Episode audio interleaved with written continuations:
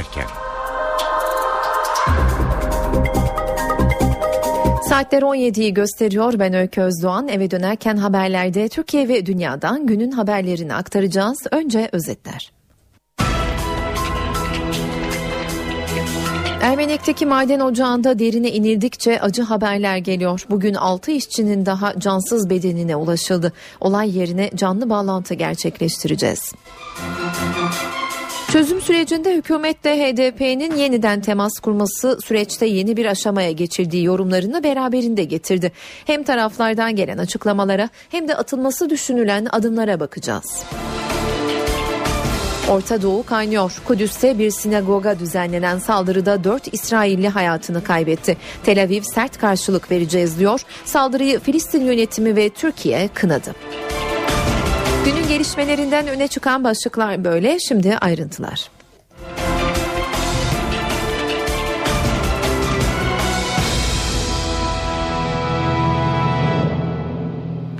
İlk durağımız Ermenek olacak. Maden kazasında hayatını kaybeden işçilerin sayısı 10'a yükseldi. 22 gün önce meydana gelen kazada kayıp 8 işçiyi arama çalışmaları sürüyor. Son durumu NTV muhabiri Sibel Atasoy Ermenek'ten bildiriyor. Ermenek Güneyurt'ta yaşanan maden kazasının üzerinden 22 gün geçti. Kazada 18 maden işçisi mahsur kalmıştı ve bugün itibariyle 10 işçinin cenazesine ulaşıldı ve madenden çıkartıldı cenazeler.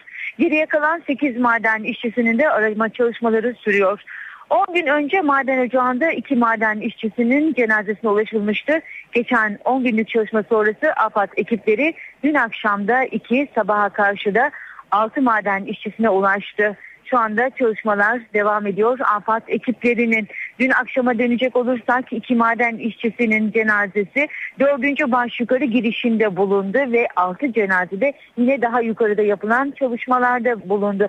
Ve bu bölgede daha önce Enerji Bakanı Taner Yıldız'ın da açıklamalarına göre suyun geldiği bölge olarak tahmin ediliyor burası ve 420 metrelik bir aranacak kısım kaldı maden ocağında.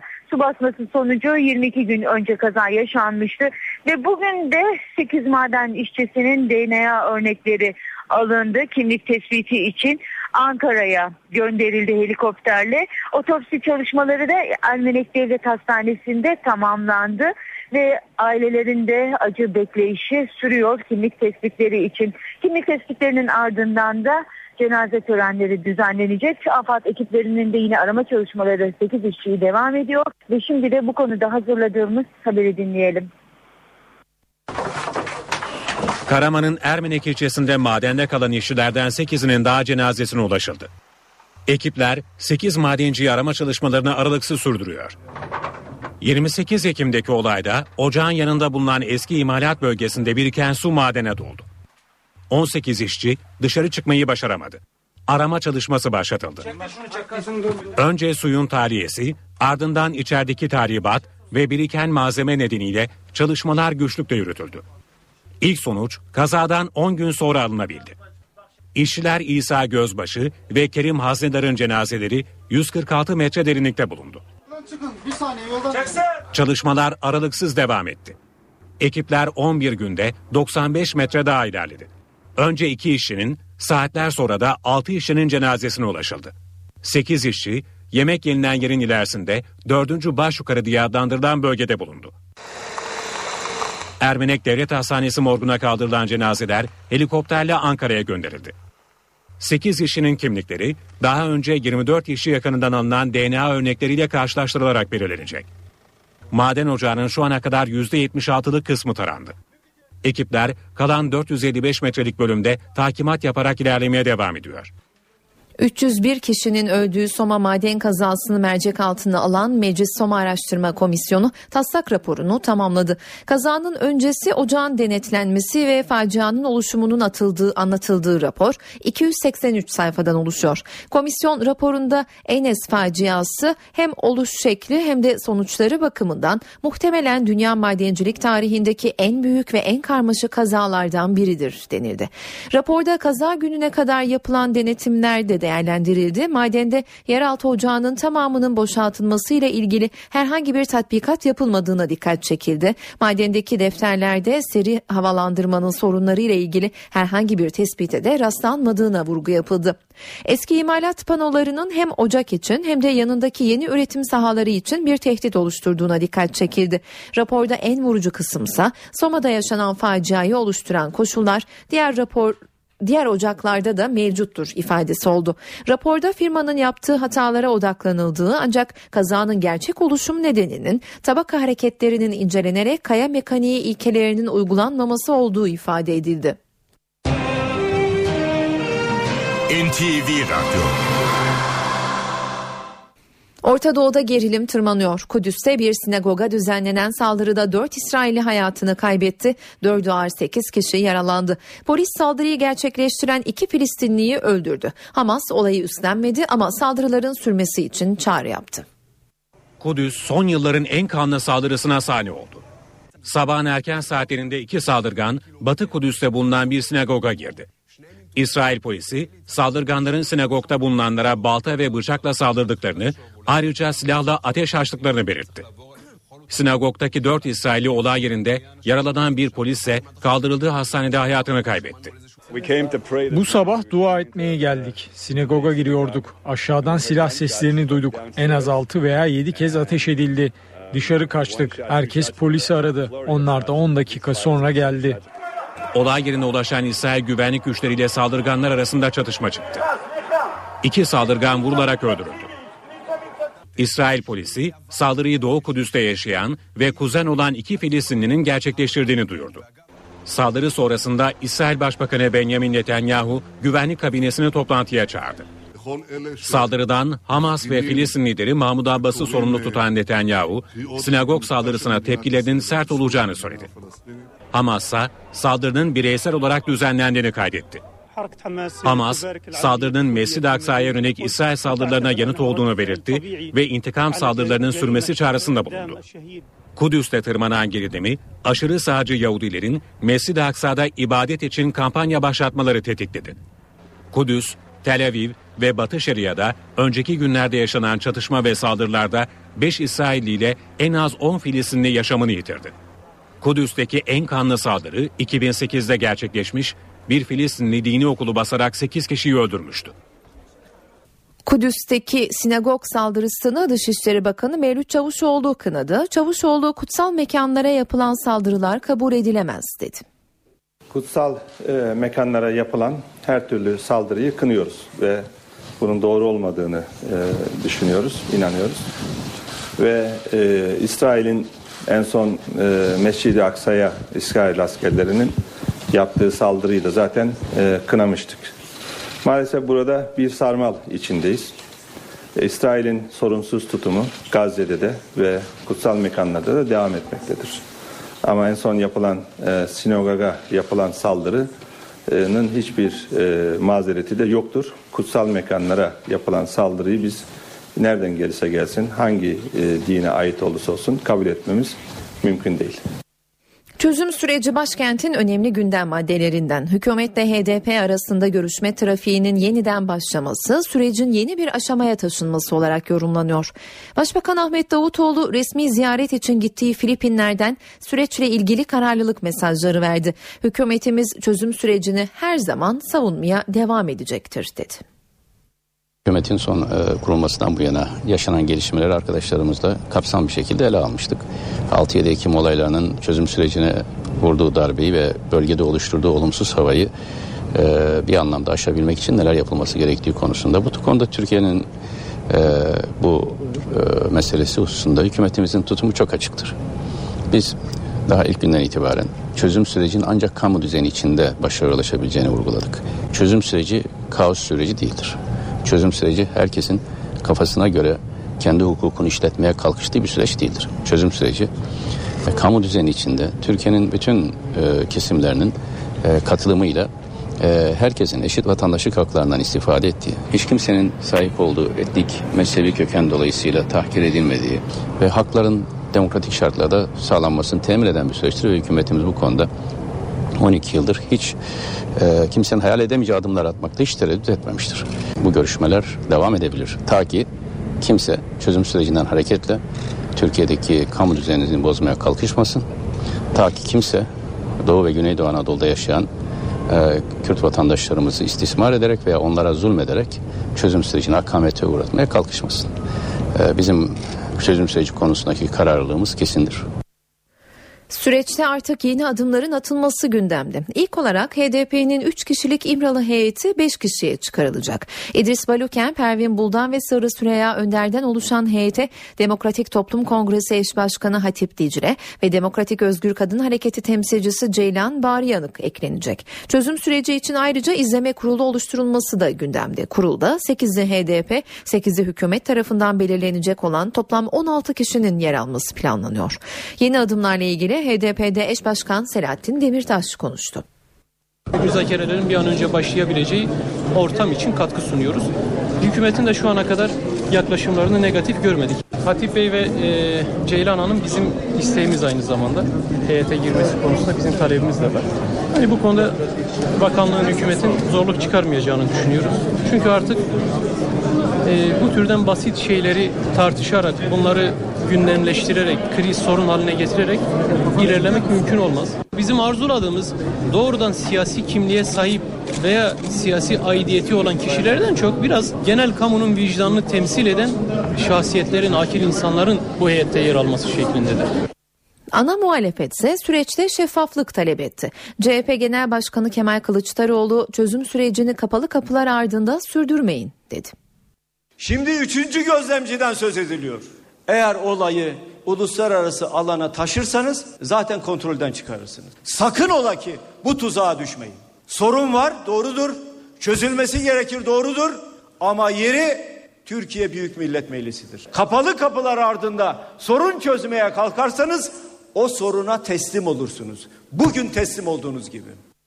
Gündemdeki bir başka konu da bedelli askerlik. Başbakan Ahmet Davutoğlu'nun bedelli askerlik uygulamasına kapıyı kapatmayın açıklaması binlerce kişiyi umutlandırdı.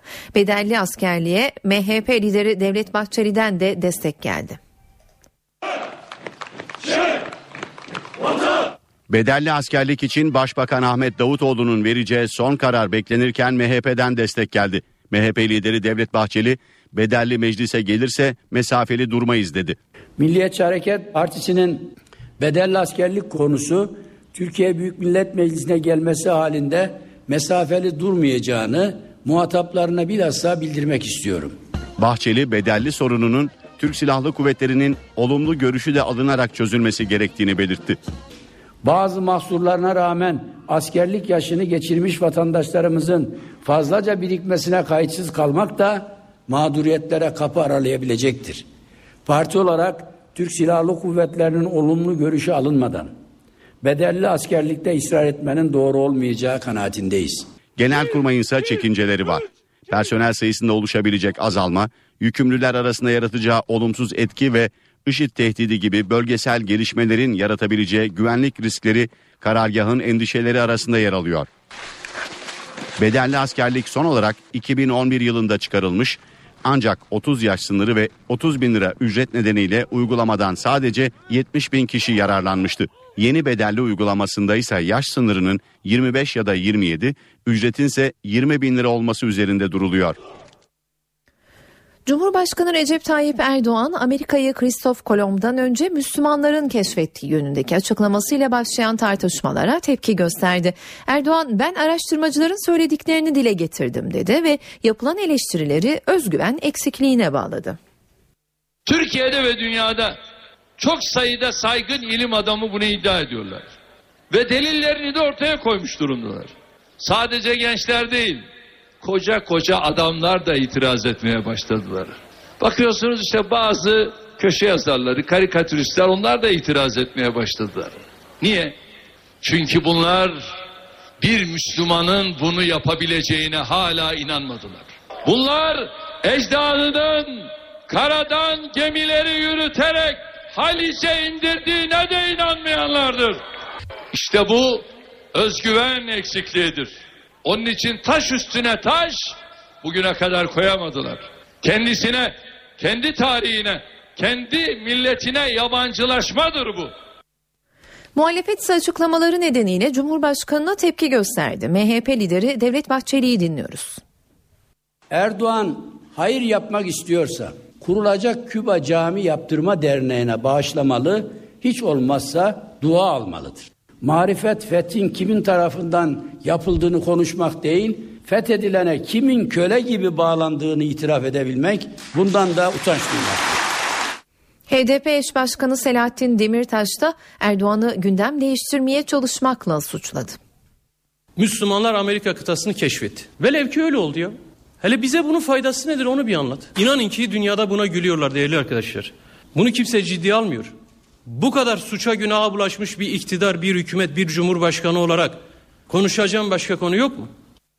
Cumhurbaşkanı Tayyip Erdoğan'ın başbakanlığı döneminde yasa dışı dinlenmesiyle ilgili iddianame tamamlandı. 13 şüpheli siyasi casuslukla suçlanıyor. Zanlılar arasında bir dönem Erdoğan'ın koruma müdürlüğünü yapan Zeki Bulut da bulunuyor. Cumhurbaşkanı Recep Tayyip Erdoğan'ın başbakanlığı döneminde makam odasında bulunan dinleme cihazları ile ilgili soruşturmada iddianame hazır. 13 şüpheli siyasi casuslukla suçlanıyor. Haklarında 15 yıldan 20'şer yıla kadar hapis cezası isteniyor. Cumhuriyet Savcısı Durak Çetin tarafından hazırlanan iddianamede şüpheliler arasında bir dönem Erdoğan'ın koruma ekibinde görev yapan önemli isimler de yer alıyor. O isimlerden en dikkat çekeni ise Başbakanın uzun süre koruma müdürlüğünü yapan Emniyet Müdürü Zeki Bulut. Eski TÜBİTAK Başkan Yardımcısı Hasan Palaz ve eski Başbakanlık Koruma Daire Başkanı Mehmet Yüksel de şüpheliler arasında. İddianame Ankara 7. Ağır Ceza Mahkemesi'ne gönderildi. Mahkemenin iddianameyi kabul için 15 gün süresi bulunuyor. Böcek soruşturması Erdoğan'ın çalışma ofisindeki elektrik prizinde bulunan dinleme cihazlarının ardından başlatılmıştı. Böceklerin bir ay süreyle aktif olduğu öne sürülmüştü. Cumhurbaşkanı Recep Tayyip Erdoğan İmam Hatip okullarının kapılarındaki kilitleri tek tek söktüklerini söyledi. Ankara'da 155 eğitim tesisi açılışında konuşan Erdoğan'a öğrencilerin ilgisi yoğundu. O öğrencilerden biri de Enerji Bakanı Taner Yıldız'ın kızıydı. Özellikle 28 Şubat sürecinde ölçü dedikleri, gerici dedikleri, ölü yıkayıcısı mı olacaksın diye tahkir ettikleri, muhtar bile olamaz dedikleri insanlar işte Cumhurbaşkanı oldu. Cumhurbaşkanı Recep Tayyip Erdoğan, Ankara'da yapımı tamamlanan 155 eğitim tesisinin açılışında Tevfik İleri Anadolu İmam Hatip Lisesi'nde konuştu. 28 Şubat döneminde İmam Hatip okullarının orta kısımlarının kapatıldığını hatırlattı. O dönemi kırılma noktası olarak tanımladı. İmam Hatip okullarının kapılarındaki kilitleri tek tek söktük attık. Bu hak ve adalet mücadelesi bugün zafere ulaştı. Geldiğimiz noktada demokratik yöntemlerden hiçbir zaman şaşmadık. Eline silah alanlardan, eline taş, sopa, molotof kokteyli alanlardan asla olmadık. Açılışta Erdoğan'a öğrencilerin ilgisi yoğundu. Kimi evinde hazırladığı cevşeni korumalarla ulaştırdı, kimi de fotoğraf çektirdi. Enerji Bakanı Taner Yıldız'ın kızı da o öğrenciler arasındaydı. Habibe Yıldız, Cumhurbaşkanı'nın isminin baş harflerini eline yazdı. Cumhurbaşkanı Erdoğan, Bursaklar'daki kız meslek ve teknik lisesinin açılışını da yaptı, öğrencilerle derse katıldı. NTV Radyo Soma'ya bağlı Yırca köyünde zeytin ağaçları kesilen köylülerden biri 50 yaşındaki Cemil Çelik'ti. Günlerce zeytinlikte eylem yapan Çelik topladığı zeytinleri teslim ettiği fabrikanın çıkışında kaza geçirdi ve yaşamını yitirdi. Tarlamın içindeki bu zayeti görüyorsunuz işte. Bu zayetin dibindeki mahsul zeytinimiz. Mahsulümüz herhangi bir kötü olmasın diye acıdığımızdan alıyoruz yani. Bütün çabası kesilen ağaçlardaki zeytini kurtarmak içindi. 17 yıl boyunca yetiştirdiği 180 ağaç bir gecede sökülmüştü. O ağaçlardan topladığı zeytini satmaya giderken geçirdiği kazada öldü. Çok eziyet bir yani toplaması böyle. 50 yaşındaki Cemil Çelik, Yırca'da zeytin ağaçlarının kesilmesini önlemek için günlerce eylem yapan köylülerden biriydi. Mücadelesi ağaçların sökülmesini önleyemedi. Cemil Çelik, Ağaçlardaki ürün çürümesin diye hasattan 20 gün önce zeytinleri topladı. 20 milyarlık hasat. Ama 3 milyar olmaz. Böyle topladığımız halde. Zaten kupkuru vurdu. 20 gün sonra yapılması lazım. Bu zeytinler toplanması lazım. Cemil Çelik zeytinleri karayolu üzerindeki fabrikaya teslim etti. Fabrikanın çıkışında yolun karşısına geçmeye çalışırken otomobil çarptı. Sağlık ekiplerinin çabası sonuç vermedi. Cemil Çelik olay yerinde yaşamını yitirdi. Otomobil sürücüsü gözaltına alındı. Bursa'da yüzme bilmediği halde arkadaşlarıyla havuza giren 20 yaşındaki genç kız boğularak hayatını kaybetti. İstanbul Üniversitesi Coğrafya Öğretmenliği bölümü öğrencisi Bengü Çiğdem Kılıç, ailesine katkı sağlamak için Bursa'daki bir spor merkezinde resepsiyon görevlisi olarak çalışıyordu. Genç kız mesai saati sonrası kendisi gibi yüzme bilmeyen arkadaşlarıyla birlikte havuza girdi. Derin olan bölüme atlayan genç kız çırpınmaya başladı. Havuzdaki arkadaşları spor salonundakilerden yardım istedi istedi. Yarı baygın halde sudan çıkartılan Bengü Çiğdem Kılıç kurtarılamadı. Sakarya'nın Geyve ilçesindeki İmam Hatip Lisesi'nde asansör 3. kattan düştü. 7 öğrenci yaralandı. Kaza bu yıl eğitim ve öğretime açılan Geyve Anadolu İmam Hatip Lisesi'nde meydana geldi. İtfaiye ekipleri asansörü kesici alet yardımıyla açtı. Kabinden çıkarılan yaralı öğrenciler hastaneye kaldırıldı. Asansör kazası nedeniyle okul tatil edilerek öğrenciler evlerine gönderildi. Milli Eğitim Bakanı Nabi Avcı olayın soruşturulacağını söyledi.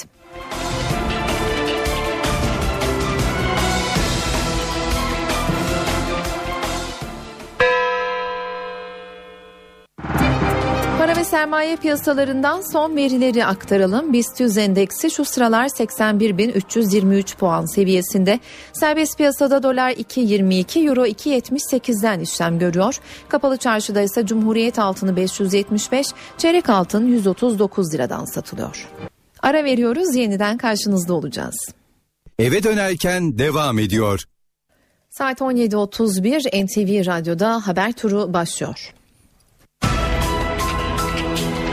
Karaman'ın Ermenek ilçesinde madende mahsur kalan işçilerden 8'inin daha cenazesine ulaşıldı. Ekipler şimdi içerideki 8 madenciye ulaşmaya çalışıyor. Kobani eylemleri ve şehit haberlerinin ardından HDP ve hükümet arasında diyalog süreci yeniden başladı. Yeni dönemde bazı adımların atılması gündemde. HDP'nin İmralı heyetinde yer alanların sayısının 5'e yükseltilmesi ve süreç için izleme kurulu oluşturulması planlanıyor. Bedelli askerlik için Başbakan Ahmet Davutoğlu'nun vereceği son karar beklenirken MHP'den destek geldi. MHP lideri Devlet Bahçeli bedelli meclise gelirse mesafeli durmayız dedi.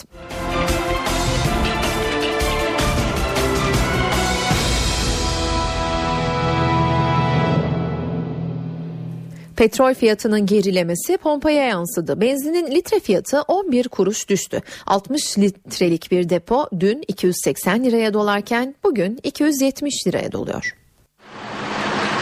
Zama gelince hemen yapıyorlar ama indirime gelince biraz ağırdan alıyorlar.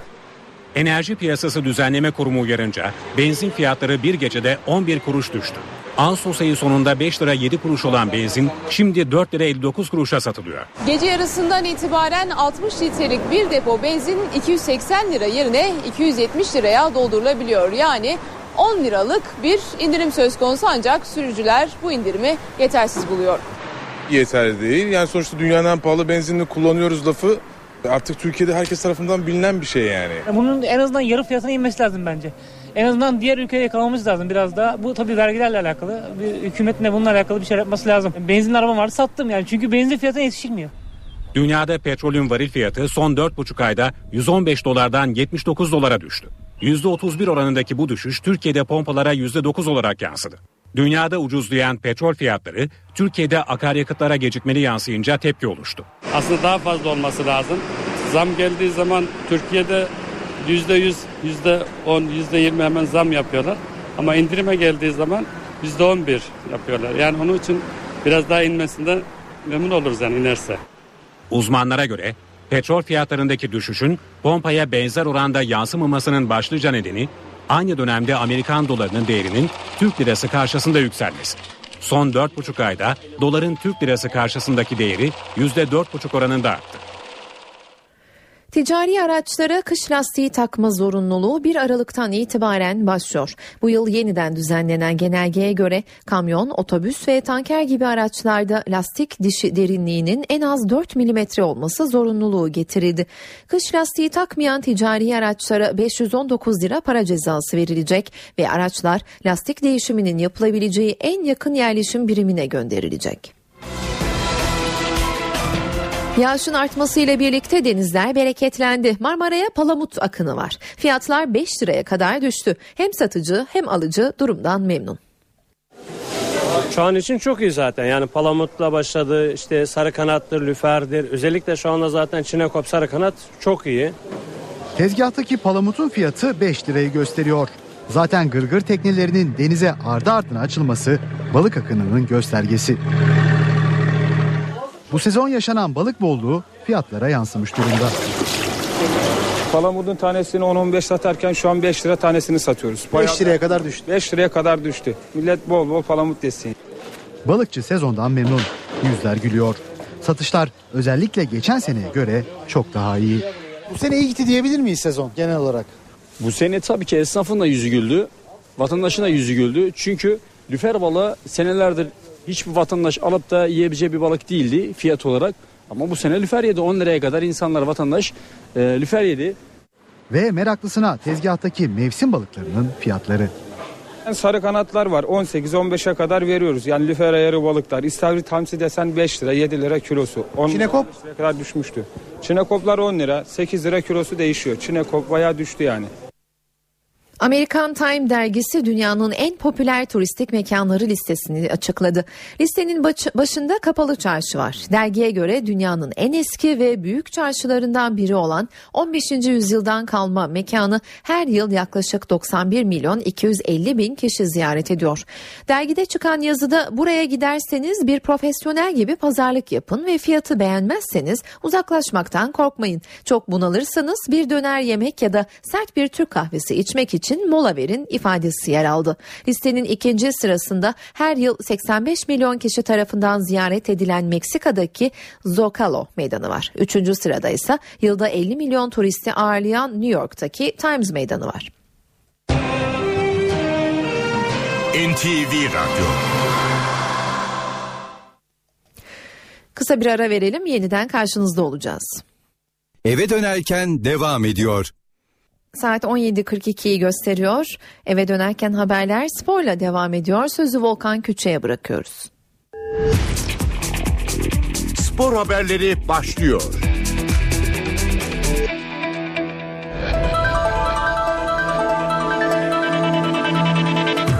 Türkiye Futbol Federasyonu Kazakistan'la oynanan milli maçta yaşanan olayları kınadı. Federasyon küfür edildiği belirlenen bir kişinin adını tespit edip savcılığa verirken basın mensuplarına saldırı içinde suç duyurusunda bulundu. Futbol Federasyonu ayrıca tüm davalara müdahil oldu. Kazakistan maçında Volkan Demirel'e küfredilmesi ve deneyimli kaleciyi almaya gelen güvenlik görevlilerinin basın mensuplarına saldırması Türkiye Futbol Federasyonu'nun da tepkisini çekti. Federasyon Türkiye Kazakistan maçı öncesinde amili takım kalecimiz Volkan Demirel'e yapılan sözlü saldırıyı ve müsabaka sonrasında maçta görevli medya mensuplarına yönelik darp eylemini şiddetle kınıyoruz açıklamasını yaptı. Federasyonun sitesinde yer alan açıklamada her iki eylemle ilgili İstanbul Cumhuriyet Başsavcılığına gerekli başvuruların yapıldığı ve adli sürece müdahil olunduğu vurgulandı. Bu kapsamda Futbol Federasyonu Volkan'a küfür ettiği belirlenen bir kişinin kimliğini tespit etti. Bu şahısla ilgili bilgiler İstanbul Cumhuriyet Başsavcılığına verildi ve hakkında şikayetçi olundu. Ayrıca yine Volkan'a küfrettiği belirlenen bazı kişilerin isimlerinin tespit edilmesi için görüntüler emniyete teslim edildi. Maçta meşale yakan 3 kişiyle son dakikada sahaya giren bir kişi polis tarafından gözaltına alındı. Haklarındaki işlemler süren şahısların sporda şiddeti önleme yasası hükümlerine göre seyirden men cezası almaları bekleniyor. Futbol Federasyonu kaleci Volkan Demirel stat'tan ayrılırken görüntü alan gazetecilere saldıran özel güvenlikçiler hakkında da suç duyurusunda bulundu ve şikayetçi oldu. Başlatılan soruşturma kapsamında gözaltına alınan 5 özel güvenlik görevlisi polis sorgusunun ardından İstanbul Adliyesi'ne sevk edildi. Soruşturmayı yürüten savcı İsmail Onaran tarafından sorgulanan 5 kişi adli kontrol talebiyle mahkemeye gönderildi. Mahkeme adli kontrole gerek görmedi ancak sporda şiddeti önleme yasası gereği 5 kişinin bir yıl süreyle spor müsabakalarına girmesini yasakladı. Haklarında kasten yaralama suçundan işlem yapılan 5 şüpheli hakkındaki dosyanın bir örneği spor savcılığına gönderilecek. Fenerbahçe Bursa Spor maçının hazırlıklarına bir günlük iznin ardından devam edecek. Gündem sakatlıklar ve milli takımdan dönen oyuncuların durumu. Teknik heyet Gökhan Gönül ve Emre Belezoğlu'nu tam olarak iyileşmeden oynatmayı düşünmüyor. Sarı lacivertlerde sakatlıkları bulunan Egemen Korkmaz, Pierre Vepo, Emre Belezoğlu, Serdar Kesimal ve Mehmet Topuz'un tedavilerine devam ediliyor. 9 aya yakın bir süredir takımdan ayrı kalan Egemen'in maç eksiği nedeniyle birkaç hafta daha ilk 11'de başlaması beklenmiyor. Emre Belezoğlu'nun oynama ihtimali de çok düşük. Geçtiğimiz haftalarda tedavisi tamamlanmadan risk alarak oynayan milli oyuncunun tamamen iyileşmesi beklenecek. Milli takım kampına katılan ancak sakatlığı nedeniyle forma giyemeyen Gökhan Gönül'ün tedavisine ise Fenerbahçe kulüp doktorlarının yapacağı kontrollerden sonra yön verilecek.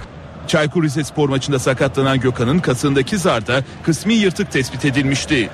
İsmail Kartal Bursa Spor maçında oyuncusundan faydalanmak istese de risk almayı düşünmüyor. Kartal, Gökhan Gönlü, Emre Belezoğlu gibi tamamen hazır hale gelmesi durumunda kullanacak. Öte yandan belindeki ağrısı nedeniyle 3 gündür takımdan ayrı kalan Webo'nun Bursa Spor maçında oynamasında bir engel olmadığı açıklandı. Spor Toto Süper Lig'in 10. haftasında Trabzonspor'u konuk edecek olan Galatasaray 7 günde 3 zorlu maça çıkacak. Kritik süreçte Sarı Kırmızılı yönetim Florya'ya kamp kuracak. Galatasaray'da yönetimden takıma tam destek. Spor Toto Süper Lig'de ve Şampiyonlar Ligi'nde kritik bir sürece giren Sarı Kırmızılı takımda yönetim, takımın moralini yüksek tutmak adına Florya'da sıkı yönetim ilan edecek. Başkan Duygun Yarsuvat, futbol takımının sorumluluğunu verdiği Abdurrahim Albayrak ve Ali Dürüst'ten bu periyotta takımın yanında olmalarını istedi. Özellikle teknik direktör Cesare Prandelli ile sık sık görüşmeler yapacak olan ikili, futbolcularla da diyaloğa girerek kritik maçlar öncesinde tesislerde disiplini sağlayacak. Galatasaray Süper Lig'in 10. haftasında Trabzonspor'la İstanbul'da karşılaşacak. Ardından Anderlecht'le Belçika'da kozlarını paylaşacak Galatasaray 11. haftada Gaziantepspor deplasmanında galibiyet arayacak. Teknik direktör Prandelli de bu kritik periyot öncesi oyuncularına sakatlık uyarısı yaptı. Antrenmanlarda gereksiz hareketlerden kaçınılmasını isteyen İtalyan teknik adam bu dönemin puan kaybı yaşanmadan atlatılması halinde hem ligde hem de Avrupa'da nefes alacaklarını söyledi. Trabzonspor maçı öncesi Bordo Mavili yönetimi en iyi şekilde ağırlamak isteyen Galatasaray'da Duygun Yarsuvat konuk ekibin centilmence misafir edilmesini istedi. Abdurrahim Albayrak ve Ali Dürüst'ün yanı sıra yönetim kurulu üyeleri de bu konuda gerekli hazırlıkları yapacak. Milli maçlar haftasının ardından ligde Kasımpaşa ile karşılaşacak Beşiktaş'ı yoğun bir maç trafiği bekliyor. Siyah beyazlılar devre arasına kadar 3 kulvarda toplam 13 maç yapacak. Beşiktaş lige verilen milli takım arasının ardından yoğun bir maç trafiğiyle karşı karşıya kalacak. Siyah beyazlıları 42 gün içinde 13 maç bekliyor. Beşiktaş'ın sezon başından bu yana devam eden yoğun maç trafiği ligin ilk yarısının bitimine kadar devam edecek. Süper Lig'in 10. haftasında Kasımpaşa ile karşılaşacak siyah beyazlılar ilk yarının son maçında 4 Ocak'ta Gençler Birliği'ne konuk olacak. Beşiktaş yaklaşık 1,5 aylık süreçte 3 günde bir maç oynayacak. Siyah beyazlılar Süper Lig'de Kasımpaşa, Karabükspor, Trabzonspor, Gaziantepspor, Akhisar Belediyespor, Konyaspor, Galatasaray ve Gençler Birliği ile UEFA Avrupa Ligi'nde Asteras Tripolis ve Tottenham, Türkiye Kupası'nda ise Sarıyer, Çaykur Rizespor ve iki kez Adana Demirspor'la mücadele edecek. Bu sezon Şampiyonlar Ligi'ne katılabilmek için 4 ön eleme maçı oynayan Beşiktaş sezonu rakiplerinden daha erken açmak zorunda kalmıştı. İlk resmi maçına 30 Temmuz'da Feyenoord karşısına çıkan siyah beyazlılar bugüne kadar 17 resmi mücadele gerçekleştirdi. Gençlik ve Spor Bakanı Akif Çağatay Kılıç Ankara'da planlanan Yeni Sar'ın gelecek yıl netli kazanacağını söyledi. Bakan Kılıç ayrıca İzmir, Mersin ve Hakkari'deki stat çalışmaları hakkında da bilgi verdi. Plan ve Bütçe Komisyonu'nda konuşan Gençlik ve Spor Bakanı Akif Çağatay Kılıç, Ankara, İzmir, Mersin ve Hakkari'deki stad çalışmaları hakkında açıklamalarda bulundu. Bununla beraber tabii verim aldığımız noktalar da var. Bakan Kılıç, Ankara'ya yapılması planlanan yeni stadyumla ilgili gerçekten de Ankara'nın stat konusunda bir çözüme ihtiyacı olduğunu düşünüyorum. Ancak son kararı verebilmiş değiliz. 2015'te artık bu işin adını, cismini koyup yolumuzda yürümek istiyoruz dedi. Ne kadar yerine getirip getirmediklerini. İzmir Atatürk Stadı'nın bakım işleri tamamlandıktan sonra bu hafta maç oynandığını aktaran Bakan Kılıç, Alsancak Stadı için verilen raporun güçlendirmeye elverişli olmadığını söyledi. Göztepe ve Karşıyaka'daki statlarla ilgili herkes farklı şeyler söylüyor diyen Bakan Kılıç, İzmir'in bu noktadaki eksikliğini giderme konusunda bir çekincelerinin bulunmadığını ifade etti. Yani sporcumuzun yetiş Mersin stadının zemin düzenlemesinin bitirildiğini belirten Akif Çağatay Kılıç, son kontrollerin ardından Aralık ayının başında Mersin İdman Yurdu'nun bu statta oynayabileceğini söyledi. Hakkari'de yıkılanın yerine yapılması beklenen yeni statla ilgili de konuşan Akif Çağatay Kılıç, son aşamaya geldik. En kısa zaman içinde ki bu yakın bir zamandır Hakkari'nin stat konusunu çözeceğiz değerlendirmesinde bulundu. Bakan Kılıç, Gençler Birliği Kulübü Başkanı İlhan Cavcav'ın futbolculara getirdiği sakal yasağıyla ilgili de konuştu. Kılıç, futbolcunun takdirinde olduğunu düşünüyorum. Pek karışma taraftarı değilim yorumunu yaptı. Bu haberle spor bültenimizin sonuna geldik. Hoşçakalın.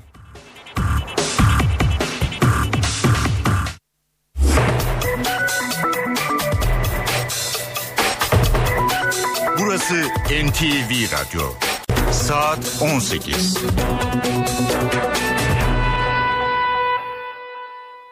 Saat 18 ben Öykü Özdoğan eve dönerken haberler Türkiye ve dünyadan günün öne çıkan haberleriyle devam ediyor.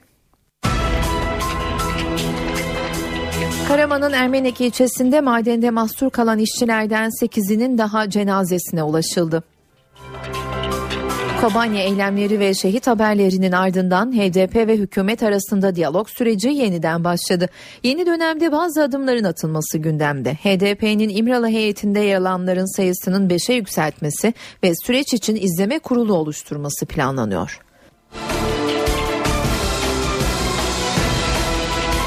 Bedelli askerlik için Başbakan Ahmet Davutoğlu'nun vereceği son karar beklenirken MHP'den destek geldi. MHP lideri Devlet Bahçeli bedelli meclise gelirse mesafeli durmayız dedi.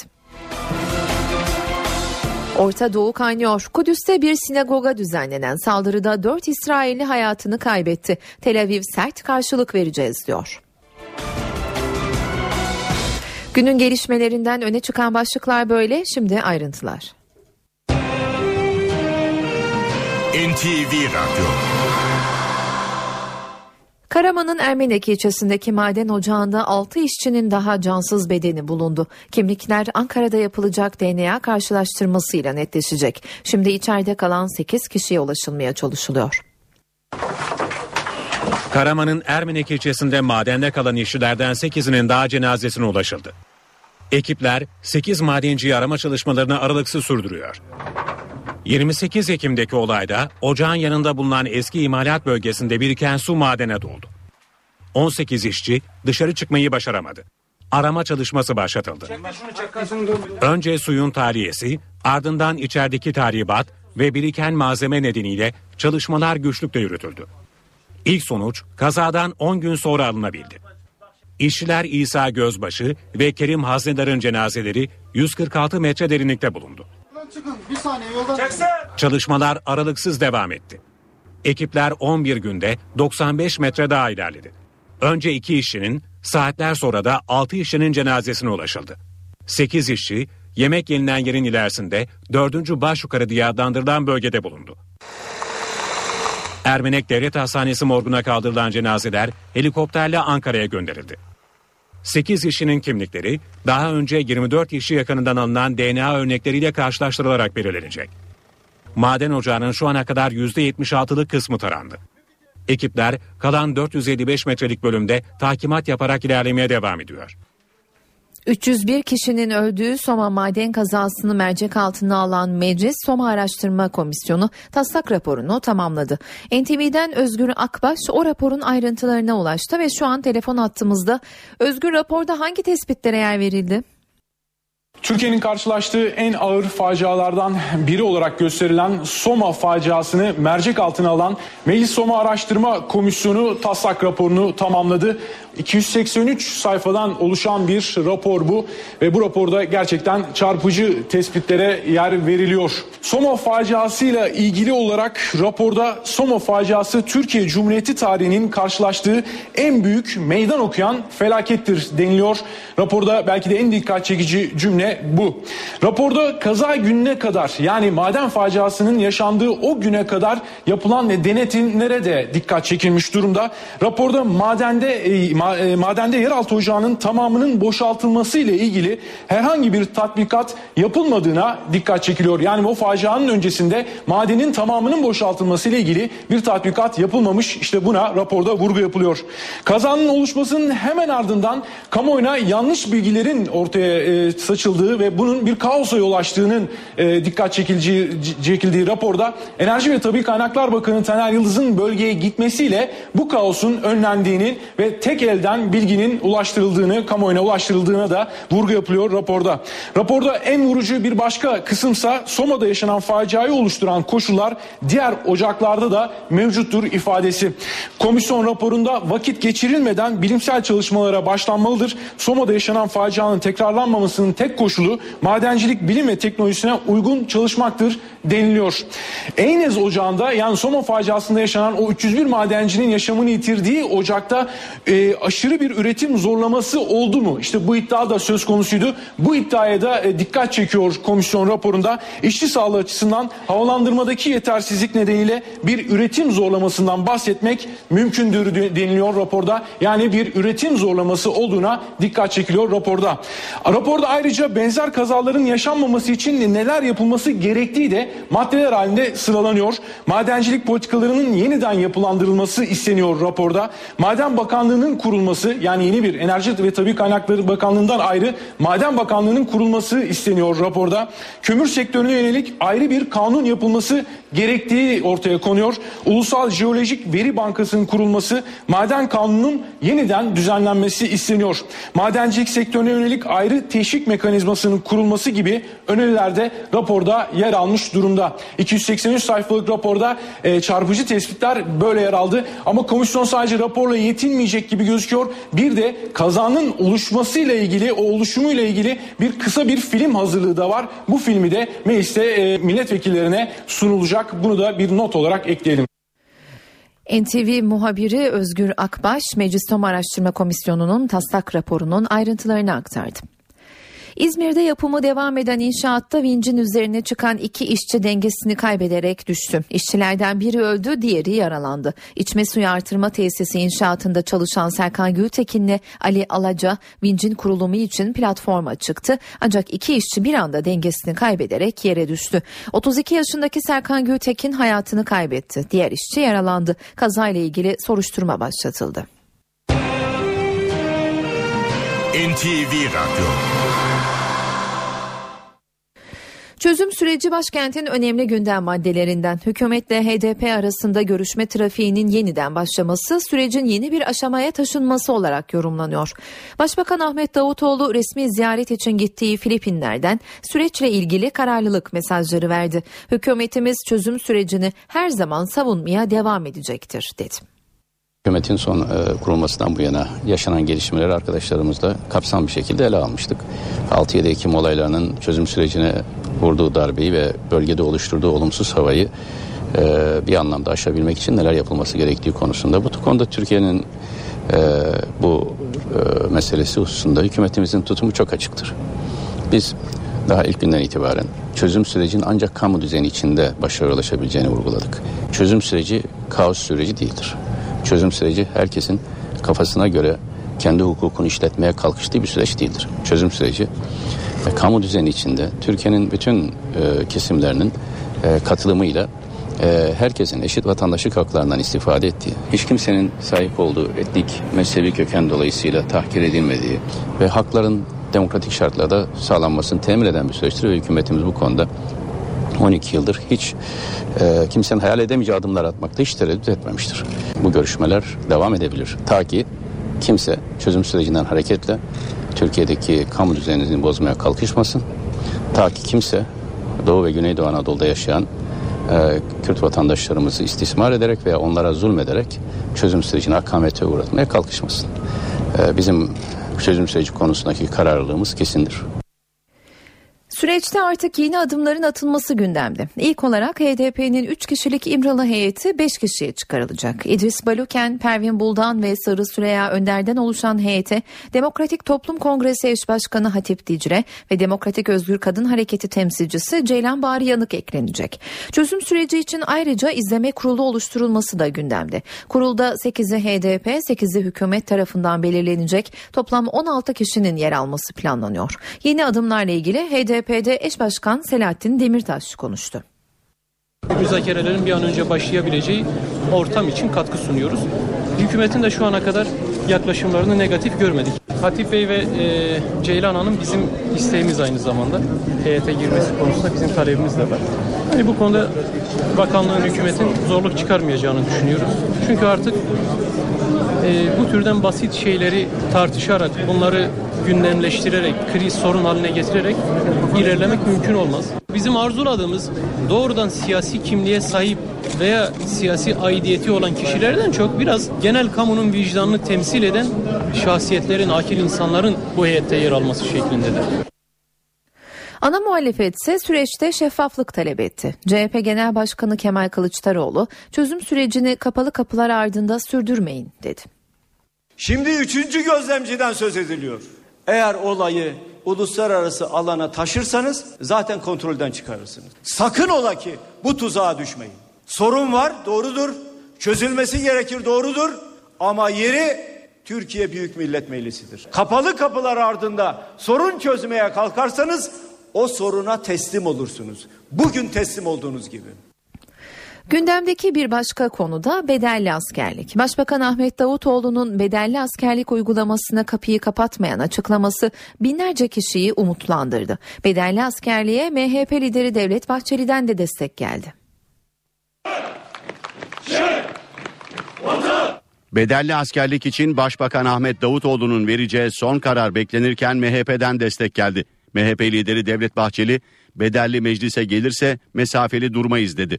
Milliyetçi Hareket Partisi'nin bedelli askerlik konusu Türkiye Büyük Millet Meclisi'ne gelmesi halinde mesafeli durmayacağını muhataplarına bilhassa bildirmek istiyorum. Bahçeli bedelli sorununun Türk Silahlı Kuvvetleri'nin olumlu görüşü de alınarak çözülmesi gerektiğini belirtti.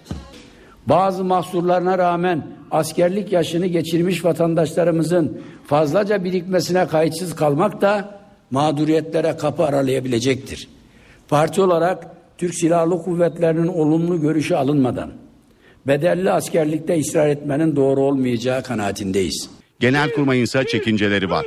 Personel sayısında oluşabilecek azalma, yükümlüler arasında yaratacağı olumsuz etki ve IŞİD tehdidi gibi bölgesel gelişmelerin yaratabileceği güvenlik riskleri karargahın endişeleri arasında yer alıyor. Bedelli askerlik son olarak 2011 yılında çıkarılmış ancak 30 yaş sınırı ve 30 bin lira ücret nedeniyle uygulamadan sadece 70 bin kişi yararlanmıştı. Yeni bedelli uygulamasında ise yaş sınırının 25 ya da 27, ücretin ise 20 bin lira olması üzerinde duruluyor. Cumhurbaşkanı Recep Tayyip Erdoğan Amerika'yı Kristof Kolomb'dan önce Müslümanların keşfettiği yönündeki açıklamasıyla başlayan tartışmalara tepki gösterdi. Erdoğan ben araştırmacıların söylediklerini dile getirdim dedi ve yapılan eleştirileri özgüven eksikliğine bağladı. Türkiye'de ve dünyada çok sayıda saygın ilim adamı bunu iddia ediyorlar. Ve delillerini de ortaya koymuş durumdalar. Sadece gençler değil, koca koca adamlar da itiraz etmeye başladılar. Bakıyorsunuz işte bazı köşe yazarları, karikatüristler onlar da itiraz etmeye başladılar. Niye? Çünkü bunlar bir Müslümanın bunu yapabileceğine hala inanmadılar. Bunlar ecdadının karadan gemileri yürüterek Halice indirdiğine de inanmayanlardır. İşte bu özgüven eksikliğidir. Onun için taş üstüne taş bugüne kadar koyamadılar. Kendisine, kendi tarihine, kendi milletine yabancılaşmadır bu. Muhalefet ise açıklamaları nedeniyle Cumhurbaşkanı'na tepki gösterdi. MHP lideri Devlet Bahçeli'yi dinliyoruz. Erdoğan hayır yapmak istiyorsa kurulacak Küba Cami Yaptırma Derneği'ne bağışlamalı, hiç olmazsa dua almalıdır. Marifet fethin kimin tarafından yapıldığını konuşmak değil, fethedilene kimin köle gibi bağlandığını itiraf edebilmek bundan da utanç duymak. HDP eş başkanı Selahattin Demirtaş da Erdoğan'ı gündem değiştirmeye çalışmakla suçladı. Müslümanlar Amerika kıtasını keşfetti. Velev ki öyle oldu ya. Hele bize bunun faydası nedir onu bir anlat. İnanın ki dünyada buna gülüyorlar değerli arkadaşlar. Bunu kimse ciddiye almıyor. Bu kadar suça günaha bulaşmış bir iktidar, bir hükümet, bir cumhurbaşkanı olarak konuşacağım başka konu yok mu? Cumhurbaşkanı Tayyip Erdoğan'ın başbakanlığı döneminde yasa dışı dinlenmesiyle ilgili iddianame tamamlandı. 13 şüpheli siyasi casuslukla suçlanıyor. Zanlılar arasında bir dönem Erdoğan'ın koruma müdürlüğünü yapan Zeki Bulut da bulunuyor. Cumhurbaşkanı Recep Tayyip Erdoğan'ın başbakanlığı döneminde makam odasında bulunan dinleme cihazları ile ilgili soruşturmada iddianame hazır. 13 şüpheli siyasi casuslukla suçlanıyor. Haklarında 15 yıldan 20'şer yıla kadar hapis cezası isteniyor. Cumhuriyet Savcısı Durak Çetin tarafından hazırlanan iddianamede şüpheliler arasında bir dönem Erdoğan'ın koruma ekibinde görev yapan önemli isimler de yer alıyor. O isimlerden en dikkat çekeni ise Başbakanın uzun süre koruma müdürlüğünü yapan Emniyet Müdürü Zeki Bulut. Eski TÜBİTAK Başkan Yardımcısı Hasan Palaz ve eski Başbakanlık Koruma Daire Başkanı Mehmet Yüksel de şüpheliler arasında. İddianame Ankara 7. Ağır Ceza Mahkemesi'ne gönderildi. Mahkemenin iddianameyi kabul için 15 gün süresi bulunuyor. Böcek soruşturması Erdoğan'ın çalışma ofisindeki elektrik prizinde bulunan dinleme cihazlarının ardından başlatılmıştı. Böceklerin bir ay süreyle aktif olduğu öne sürülmüştü. NTV Radyo Orta Doğu'da gerilim tırmanıyor. Kudüs'te bir sinagoga düzenlenen saldırıda 4 İsrailli hayatını kaybetti, 4'ü ağır 8 kişi yaralandı. Polis saldırıyı gerçekleştiren iki Filistinliyi öldürdü. Hamas olayı üstlenmedi ama saldırıların sürmesi için çağrı yaptı. Kudüs kentin batısındaki bir sinagoga düzenlenen kanlı baskının ardından gergin. 4 İsraillinin hayatını kaybettiği saldırı sonrası İsrail polisi operasyon başlattı. İsrail Başbakanı Benjamin Netanyahu'nun sert karşılık vereceğiz açıklamasının ardından Doğu Kudüs'te Filistinli iki saldırganın evine baskın düzenlendi. Saldırganların yakınları tutuklanırken İsrail polisi ve Filistinliler arasında çatışma çıktı. Kudüs'ü sarsan olay sabah saatlerinde meydana geldi. İki Filistinli balta ve silahlarla bir sinagogu bastı. Dört İsrailli hayatını kaybederken iki saldırgan da vurularak öldürüldü. Kuzen oldukları belirtilen saldırganların kimliği Hasan ve Uday Abu Cemal olarak tespit edildi. Ölen İsraillerden üçünün aynı zamanda ABD birinin de İngiliz vatandaşı olduğu açıklandı. Bu kahramanca saldırı bir direniş örneğidir. İki şehit vermekten gurur duyuyoruz. Kudüs'te gerçekleşen bu kahramanca saldırıyı tamamen üstleniyoruz. Son yılların en kanlı saldırısını Filistin Halk Kurtuluş Cephesi üstlendi. İsrail Başbakanı Benjamin Netanyahu, Hamas ve Filistin Devlet Başkanı Mahmut Abbas'ı suçladı. Hamas saldırıyı överken Filistin yönetimi lideri Mahmut Abbas kınadı. Saldırıya bir kınamada Dışişleri Bakanı Mevlüt Çavuşoğlu'ndan geldi. Çavuşoğlu kutsal mekanlara saldırının mazereti olmayacağını söyledi. Kudüs'teki sinagog saldırısının Gazze'de uyandırdığı yankı ise farklıydı. Sokağa çıkan Gazze'liler tatlı dağıttı. Bu saldırı Kudüs'te El Aksa Camii'ne düzenlenen saldırıya bir karşılık. Bu saldırı yakılarak öldürülen Filistinli Muhammed Abu Hudeyre bir karşılık. Kudüs'te tırmanan gerilimi aşırı sağcı Yahudilerin Mescid-i Aksa'da ibadet için kampanya başlatmaları tetiklemişti. İzmir gümrüğüne operasyon düzenlendi. Malların gümrük geçişinin sahte dekontla yapıldığı ortaya çıktı. İzmir Cumhuriyet Başsavcılığı ihbar üzerine harekete geçti. Operasyonda 3 gümrük çalışanı gözaltına alındı. 2 kişi resmi belgede sahtecilikten tutuklandı. Serbest bırakılan bir kişi hakkında ise yeni ifadeler doğrultusunda yakalama kararı çıkarıldı. Soruşturmada ithalat işlemi için maliye adına bankaya yatırılması gereken paraların yatırılmadığı, gümrük geçişinin sahte dekontla yapıldığı ortaya çıktı. 2006 yılından bu yana 747 adet sahte belge düzenlendiği ve devletin 52 milyon lira zarara uğratıldığı tespit edildi.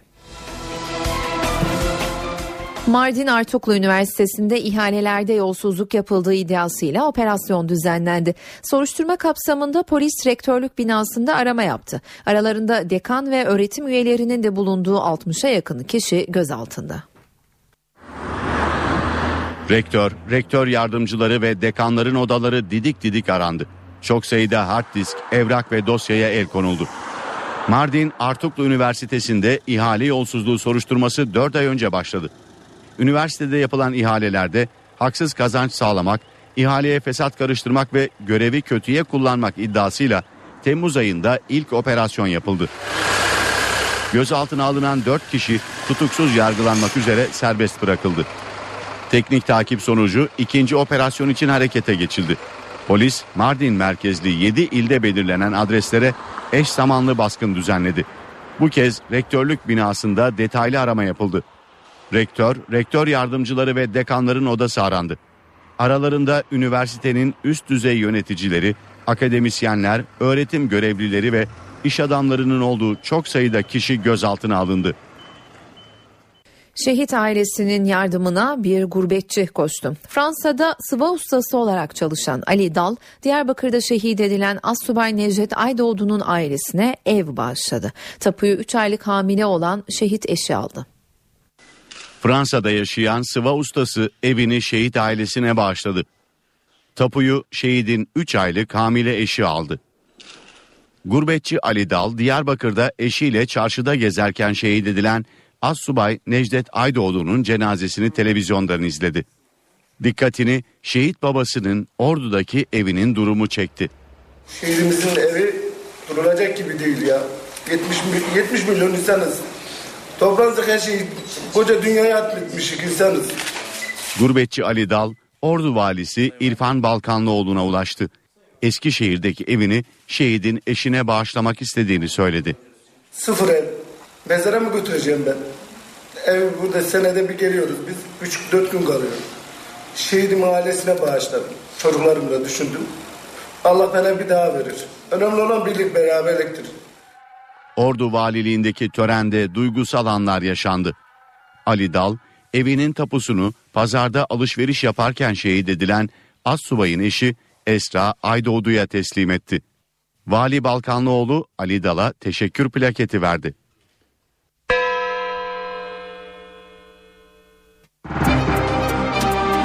Ve sermaye piyasalarının günü nasıl tamamladığına bakalım şimdi.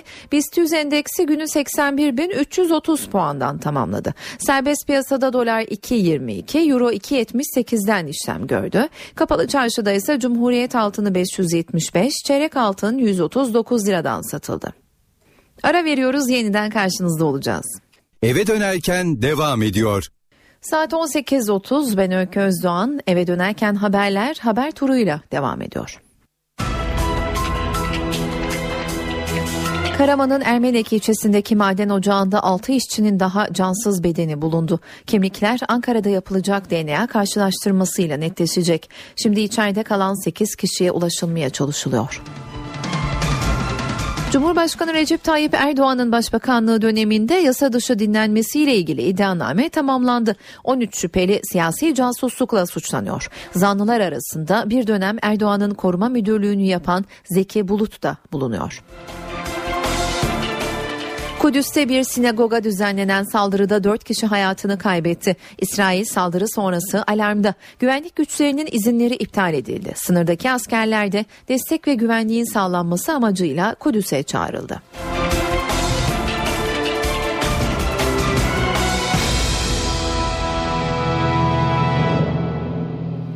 Petrol fiyatlarının gerilemesi pompaya yansıdı. Benzinin litre fiyatı 11 kuruş düştü. 60 litrelik bir depo dün 280 liraya dolarken bugün 270 liraya doluyor. Zama gelince hemen yapıyorlar ama indirime gelince biraz ağırdan alıyorlar. Enerji Piyasası Düzenleme Kurumu uyarınca benzin fiyatları bir gecede 11 kuruş düştü. Ağustos ayı sonunda 5 lira 7 kuruş olan benzin şimdi 4 lira 59 kuruşa satılıyor. Gece yarısından itibaren 60 litrelik bir depo benzin 280 lira yerine 270 liraya doldurulabiliyor. Yani 10 liralık bir indirim söz konusu ancak sürücüler bu indirimi yetersiz buluyor. Yeterli değil. Yani sonuçta dünyanın en pahalı benzinini kullanıyoruz lafı Artık Türkiye'de herkes tarafından bilinen bir şey yani. Bunun en azından yarı fiyatına inmesi lazım bence. En azından diğer ülkeye yakalamamız lazım biraz daha. Bu tabii vergilerle alakalı. Bir hükümetin de bununla alakalı bir şey yapması lazım. Benzin arabam vardı sattım yani. Çünkü benzin fiyatına yetişilmiyor. Dünyada petrolün varil fiyatı son 4,5 ayda 115 dolardan 79 dolara düştü. %31 oranındaki bu düşüş Türkiye'de pompalara %9 olarak yansıdı. Dünyada ucuzlayan petrol fiyatları Türkiye'de akaryakıtlara gecikmeli yansıyınca tepki oluştu. Aslında daha fazla olması lazım. Zam geldiği zaman Türkiye'de yüzde yüz, yüzde on, yüzde yirmi hemen zam yapıyorlar. Ama indirime geldiği zaman yüzde on bir yapıyorlar. Yani onun için biraz daha inmesinde memnun oluruz yani inerse. Uzmanlara göre petrol fiyatlarındaki düşüşün pompaya benzer oranda yansımamasının başlıca nedeni aynı dönemde Amerikan dolarının değerinin Türk lirası karşısında yükselmesi. Son 4,5 ayda doların Türk lirası karşısındaki değeri %4,5 oranında arttı. Amerikan Time dergisi dünyanın en popüler turistik mekanları listesini açıkladı. Listenin başında Kapalı Çarşı var. Dergiye göre dünyanın en eski ve en büyük çarşılarından biri olan 15. yüzyıldan kalma mekanı her yıl yaklaşık 91 milyon 250 bin kişi ziyaret ediyor. Dergide çıkan yazıda buraya giderseniz bir profesyonel gibi pazarlık yapın ve fiyatı beğenmezseniz uzaklaşmaktan korkmayın. Çok bunalırsanız bir döner yemek ya da sert bir Türk kahvesi içmek için mola verin ifadesi yer aldı. Listenin ikinci sırasında her yıl 85 milyon kişi tarafından ziyaret edilen Meksika'daki Zocalo meydanı, meydanı var. Üçüncü sırada ise yılda 50 milyon turisti ağırlayan New York'taki Times meydanı var.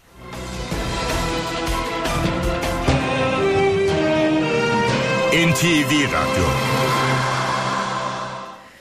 Amerika ile Türkiye arasında IŞİD'le mücadele konusunda bir süredir devam eden görüşme trafiği hızlanıyor. Amerikan Başkanı'nın IŞİD'le küresel mücadele özel temsilcisi yeniden Türkiye'ye geliyor. Görüşmelerde eğit donat programına son şeklin verilmesi bekleniyor. Amerika Birleşik Devletleri Başkanı Barack Obama'nın IŞİD'le küresel mücadele özel temsilcisi emekli General John Allen ikinci kez Türkiye'ye geliyor. Amerika Birleşik Devletleri Başkan Yardımcısı Joe Biden'ın 22 Kasım'da yapacağı Türkiye ziyaretinin ardından gerçekleşmesi beklenen ziyarette Suriyeli muhaliflerin eğitimi konusunda nihai kararın verilmesi bekleniyor. Türkiye ile Amerika arasında Suriyeli muhaliflerin eğitimi konusunda prensip anlaşmasına varıldı. Geçen hafta Ankara'ya gelen Amerikan askeri heyeti eğitimin verileceği Kırşehir'deki jandarma tesislerinde de incelemelerde bulundu. İki ülke arasında prensip anlaşması bulunsa da bazı alt başlıklarda görüş ayrılıkları devam ediyor. NTV'nin edindiği bilgiye göre Ankara'nın Eğit Donat programının donat bölümüne bazı itirazları var. PYD güçlerine verilecek silahların PKK'nın eline geçmesi Ankara'nın temel endişesi. Amerika Birleşik Devletleri eğitilecek güçlere 12.7 mm uçak savarlar, aralarında M16'larında bulunduğu piyade tüfekleri ve tank savar silahlar vermeyi planlıyor. Görüşmelerde diğer bir sıkıntı noktası ise Türkmenler. Ankara, eğitim programına ağırlıklı olarak Türkmenlerin alınmasını istiyor. Ancak buna Özgür Suriye ordusu içinden tepkiler gelebileceği belirtiliyor. ÖSO'ya verilecek silahların IŞİD ve Ennusra'nın eline geçme ihtimali de diğer bir sıkıntı noktası. Yetkililer, Türkiye'nin talep ettiği uçuşa yasak bölgenin ilan edilmemesi durumunda Eğit Donat programının hiçbir anlamı olmayacağını, eğitilen güçlerin yine Suriye ordusunun hava hedefi olmaya devam edeceğini belirtiyorlar. Dünyada terör saldırıları artışa geçti. Küresel Terörizm Endeksinin çalışmasına göre sadece geçen yıl 100 bin terör saldırısı gerçekleşti. Bu saldırılarda 18 bin kişi yaşamını yitirdi. Geçen yıl terör saldırıları 2012'ye kıyasla %61 arttı. Bu dikkat çekici bilgi küresel terörizm indeksinden. Buna göre sadece geçen yıl 10 bin saldırı gerçekleşti. Bu saldırılarda yaklaşık 18 bin kişi hayatını kaybetti. Rapora göre IŞİD, El-Kaide, Boko Haram ve Taliban saldırıların çoğunun arkasında olan örgütler. Ölümlerin %80'i Irak, Afganistan, Pakistan, Nijerya ve Suriye'de gerçekleşti. Saldırılarda en fazla kayıp 6362 ile Irak'ta. Raporda Türkiye'de yer alıyor. Ekonomik Kalkınma ve İşbirliği Örgütü OECD ülkeleri arasında Türkiye ve Meksika geçen yıl en fazla saldırılara sahne olan ülkeler. Rapor 2001'de New York'taki Dünya Ticaret Merkezi'ne yönelik saldırıların ardından terörle savaş adı altında başlatılan mücadelede terör kayıplarının 5 kat arttığını da gösteriyor. Bu 2001'den sonra dünyanın pek çok ülkesinde insansız hava araçları da dahil çok çeşitli şekillerde teröristlerin peşine düşen ülkelerin bu mücadelede pek de başarılı olamadıklarını ortaya koyuyor. Bütün bu veriler ışığında Batı'nın radikal ideolojilerle mücadele etmesinin çok zor olduğu belirtiliyor. Sünni Müslüman ülkelere de radikal unsurları etkisizleştirmek için İslam dinini anlatmada liderlik etmeleri çağrısı yapılıyor. Çatışmalar nedeniyle Suriye ve Irak'ta yer değiştirenlerin sayısı mega kentlerin nüfusuyla yarışır duruma geldi. Birleşmiş Milletler'e göre bu iki ülkede evlerini terk edenlerin sayısı 13 milyonu aştı. Birleşmiş Milletler bunu mega kriz olarak tanımlıyor. Suriye ve Irak'taki çatışmalar nedeniyle evlerini terk edenlerin sayısı 13 milyonu aştı. Bu sayı İstanbul gibi birçok metropolün nüfusuna yakın. Londra'nın nüfusundansa oldukça fazla. Açıklama Birleşmiş Milletler Mülteciler Yüksek Komiseri Antonio Guterres'ten. Guterres son dönemdeki mülteci dalgasını mega kriz olarak tanımladı. Suriye ve Irak'tan kaçanlarla birlikte dünya genelinde mülteci sayısı 2. Dünya Savaşı'ndan sonra ilk kez 50 milyonu geçti. Geçtiğimiz yıl her gün 32 bin kişi mülteci konumuna düştü. Antonio Guterres yaklaşan kışla birlikte krizin derinleşeceğine vurgu yaptı. Zira mültecilerin temel ihtiyaçlarının karşılanacağı bütçede açık var. Yağmur ve kar geliyor. İnsanların zor koşullarda hayatta kalabilmeleri için temel ihtiyaçlarını karşılamada güçlük çekiyoruz. Bütçede 58 milyon dolar açık var. Guterres, mültecilere ev sahipliği yapan Türkiye, Lübnan ve Ürdün gibi komşu ülkelerin yorgun düştüğüne de dikkat çekti. Bu ülkelerin mültecilere ev sahipliği yapmayı sürdürmesi için ne yazık ki şu ana kadar görmediğimiz dev bir uluslararası dayanışmaya ihtiyaç var. Birleşmiş Milletler önümüzdeki yıllarda da mültecilerin sayısında artış bekliyor. Sebebi sadece savaş olmayacak. Nüfus artışı, iklim değişikliği ve su kıtlığı gibi çevresel faktörler de insanları evlerini terk etmeye zorlayacak. Ara veriyoruz yeniden karşınızda olacağız. Eve dönerken devam ediyor. Saat 18.44 ben Öykü Özdoğan eve dönerken haberlerde günün öne çıkan gelişmelerini aktarmayı sürdürüyoruz. Konya'da 30 haftalık bebeğe anne karnında operasyon yapıldı. Doktorlar bebekteki 6 santimlik yumurtalık kistini alıp ölme, sakat doğma, çocuk sahibi olamama gibi risklerin önüne geçti. Doğmamış bebekte yumurtalık kisti tespit edildi. Anne karnında ameliyat oldu. Konya'da yaşayan Evrim Öztekin hamileliğinden bir süre sonra kız bebeğinde yumurtalık kisti olduğunu öğrendi. Doktorlar bebeğin biraz daha büyümesini bekledi. Ancak başta 1,5 santimetre olan kist 6 santimetre olunca ameliyata karar verildi. Veya kist dönseydi veya kistte herhangi bir şekilde büyümeler devam etseydi diğer başka organlara zarar verirdi. Bu yapılan işlem çocuk sağlığı açısından çok önemli olmuştur. 30 haftalık bebeğe yapılan ameliyat tıp literatürüne girdi. Bu da dünyada şimdiye kadar yaptığımız literatür incelemelerinde toplam 20 kadar yapılmış bir işlem. Neticede biz de bunu Türkiye'de bu şekilde bu işlemi gerçekleştirmiş olduk. Çok güzel başarılı bir operasyon oldu. İyi ki de yaptırmışız. Ee, en azından normal sürecimize döndük. Gebeliğimiz devam ediyor. Anne karnındaki bebeğin durumu iyi. Akıllı telefonunu bir an olsun elinden düşürmeyen, sürekli mesaj atıp mesaj yazanlara uzmanlardan bir uyarı var. Uzmanlar telefonu yanlış tutmanın omurga için ciddi bir tehdit oluşturduğunu söylüyor. Cep telefonu kullanmak omurga sağlığını tehdit ediyor. Uyarı Amerikalı araştırmacılardan geldi. Kullanıcıların cep telefonu başındaki vücut duruşunu inceleyen uzmanlar, başın yaklaşık 60 derece eğildiği bu duruşun omurga için ciddi bir risk oluşturduğunu saptadı. Nedeni bu esnada omurganın taşıdığı yükün yer çekiminin de etkisiyle yaklaşık 27 kilo artması. 15 derecelik bir açıdaysa omurganın yükü 12 kiloya düşüyor. Surgical Technology International adlı tıp dergisinde yayınlanan araştırmaya göre ortalama bir cep telefonu kullanıcısı günde 2 ila 4 saatini cep telefonuna bakarak geçiriyor. Uzmanlar bu durumun omurgada tedavisi güç, hatta ameliyat gerektirecek hasarlar yol açabileceğine dikkat çekiyor. Bu riski azaltmaksa oldukça basit. Tek yapmanız gereken telefonunuza bakarken eğilmek yerine vücudunuzu dik tutmak. Sırada günün kültür sanat etkinliklerinden önerilerimiz var. Stacy Kent konser veriyor bu akşam İstanbul'da. Konser mekanı İş Sanat Kültür Merkezi. İş Sanat'ta yeni sezonun ilk caz konseri için sahnede olacak olan Kent saat 20'de başlıyor performansına. Kronos Quartet de müzikseverler için sahnede bugün. Yeni müziğin öncü topluluğu 10 yıl aradan sonra ilk kez Türkiye'de sahne alacak. Konser saat 20'de başlıyor. Performans mekanının Cemal Reşit Rey konser salonu olduğunu hatırlatalım. Suzan kardeşçe sevenleriyle bir araya geliyor bu akşam. Balkan şarkılarının sevilen yorumcusu Beyoğlu Hayal Kahvesi'nde dinlenebilir. Konser başlama saati 22.30. Tiyatro severler için de önerilerimiz olacak. Asi Kuş sahneleniyor bugün Kocaeli'de. Bize'nin ünlü operası Carmen'i, opera, tiyatro, bale ve güldürü ustalığıyla harmanlayan Ali Poyrazoğlu, İzmit Süleyman Demirel Kültür Merkezi'nde sanatseverlerle buluşuyor. Oyun saat 20.30'da açıyor perdelerini. Bezirgan'da Narlıdere AKM İzmir'de sahneleniyor. Molière'in başyapıtı Tartuf'un yepyeni bir uyarlaması olan Bezirgan'da Cem Davran, Erkan Can, Faruk Akgören ve Bahtiyar Engin gibi isimler rol alıyor. Oyunun başlama saati 20.30.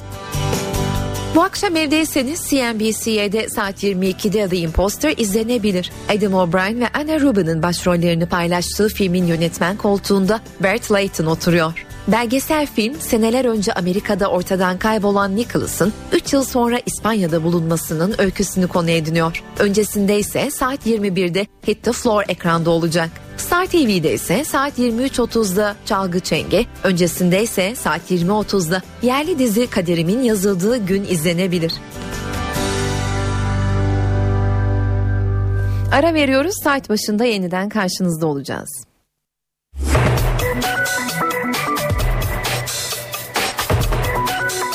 Burası NTV Radyo. Saat 19.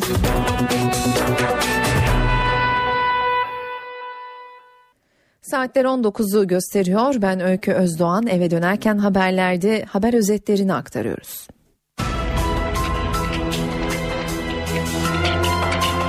Kobani eylemleri ve şehit haberlerinin ardından HDP ve hükümet arasında diyalog süreci yeniden başladı. Yeni dönemde bazı adımların atılması gündemde HDP'nin İmralı heyetinde yer alanların sayısının 5'e yükseltilmesi ve süreç için izleme kurulu oluşturulması planlanıyor. Bedelli askerlik için Başbakan Ahmet Davutoğlu'nun vereceği son karar beklenirken MHP'den destek geldi. MHP lideri Devlet Bahçeli bedelli meclise gelirse mesafeli durmayı istedi. Diyarbakır'da eşiyle çarşıda gezerken şehit edilen Assubay Necdet Aydoğdu'ya yönelik saldırı ile ilgili olarak Muğla'da iki kişi gözaltına alındı. Karaman'ın Ermenek ilçesindeki maden ocağında 6 işçinin daha cansız bedeni bulundu. Kimlikler Ankara'da yapılacak DNA karşılaştırmasıyla netleşecek. Şimdi içeride kalan 8 kişiye ulaşılmaya çalışılıyor. Cumhurbaşkanı Tayyip Erdoğan'ın başbakanlığı döneminde yasa dışı dinlenmesiyle ilgili iddianame tamamlandı. 13 şüpheli siyasi casuslukla suçlanıyor. Zanlılar arasında bir dönem Erdoğan'ın koruma müdürlüğünü yapan Zeki Bulut da bulunuyor. Pasolig uygulaması ile ilgili son sözü Anayasa Mahkemesi söyleyecek. Ankara 16. Tüketici Mahkemesi iptal istemiyle yüksek mahkemeye başvurma kararı aldı. Kudüs'te bir sinagoga düzenlenen saldırıda 4 kişi hayatını kaybetti. İsrail saldırı sonrası alarmda. Güvenlik güçlerinin izinleri iptal edildi. Sınırdaki askerler de destek ve güvenliğin sağlanması için Kudüs'e çağrıldı.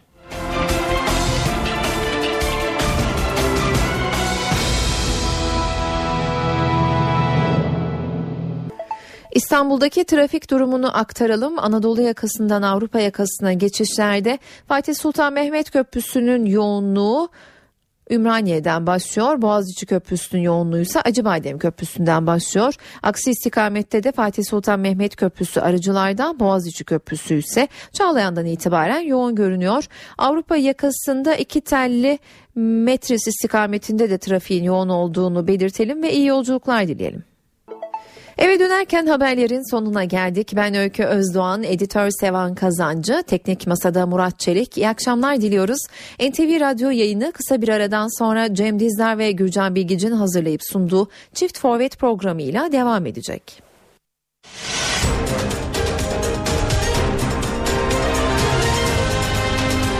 NTV Radyo, Türkiye'nin haber radyosu.